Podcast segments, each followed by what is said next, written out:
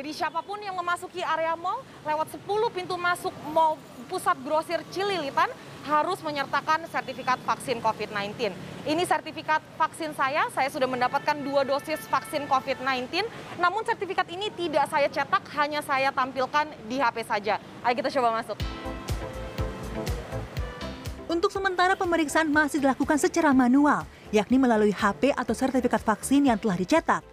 Ke depannya, sistem pemeriksaan diharapkan bisa beralih menjadi digital agar memudahkan pemeriksaan di setiap pintu masuk. Ya intinya kami lakukan persiapan, kalau suatu saat harus wajib QR code, semuanya harus digital, tidak ada manual, kalau tidak mau diikutin.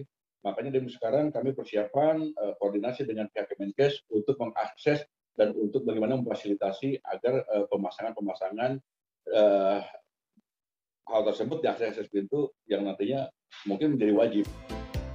Warga dapat mengunduh sertifikat vaksin COVID-19 melalui situs dan aplikasi pedulilindungi.id.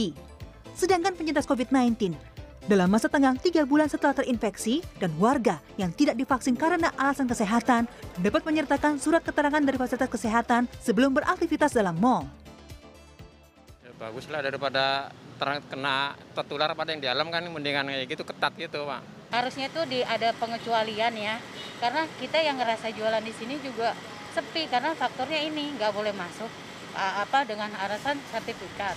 Ya sebenarnya sih keberatannya iya gitu, tapi harus lebih nyaman lagi sih. Harus ada surat itu aja, surat vaksin.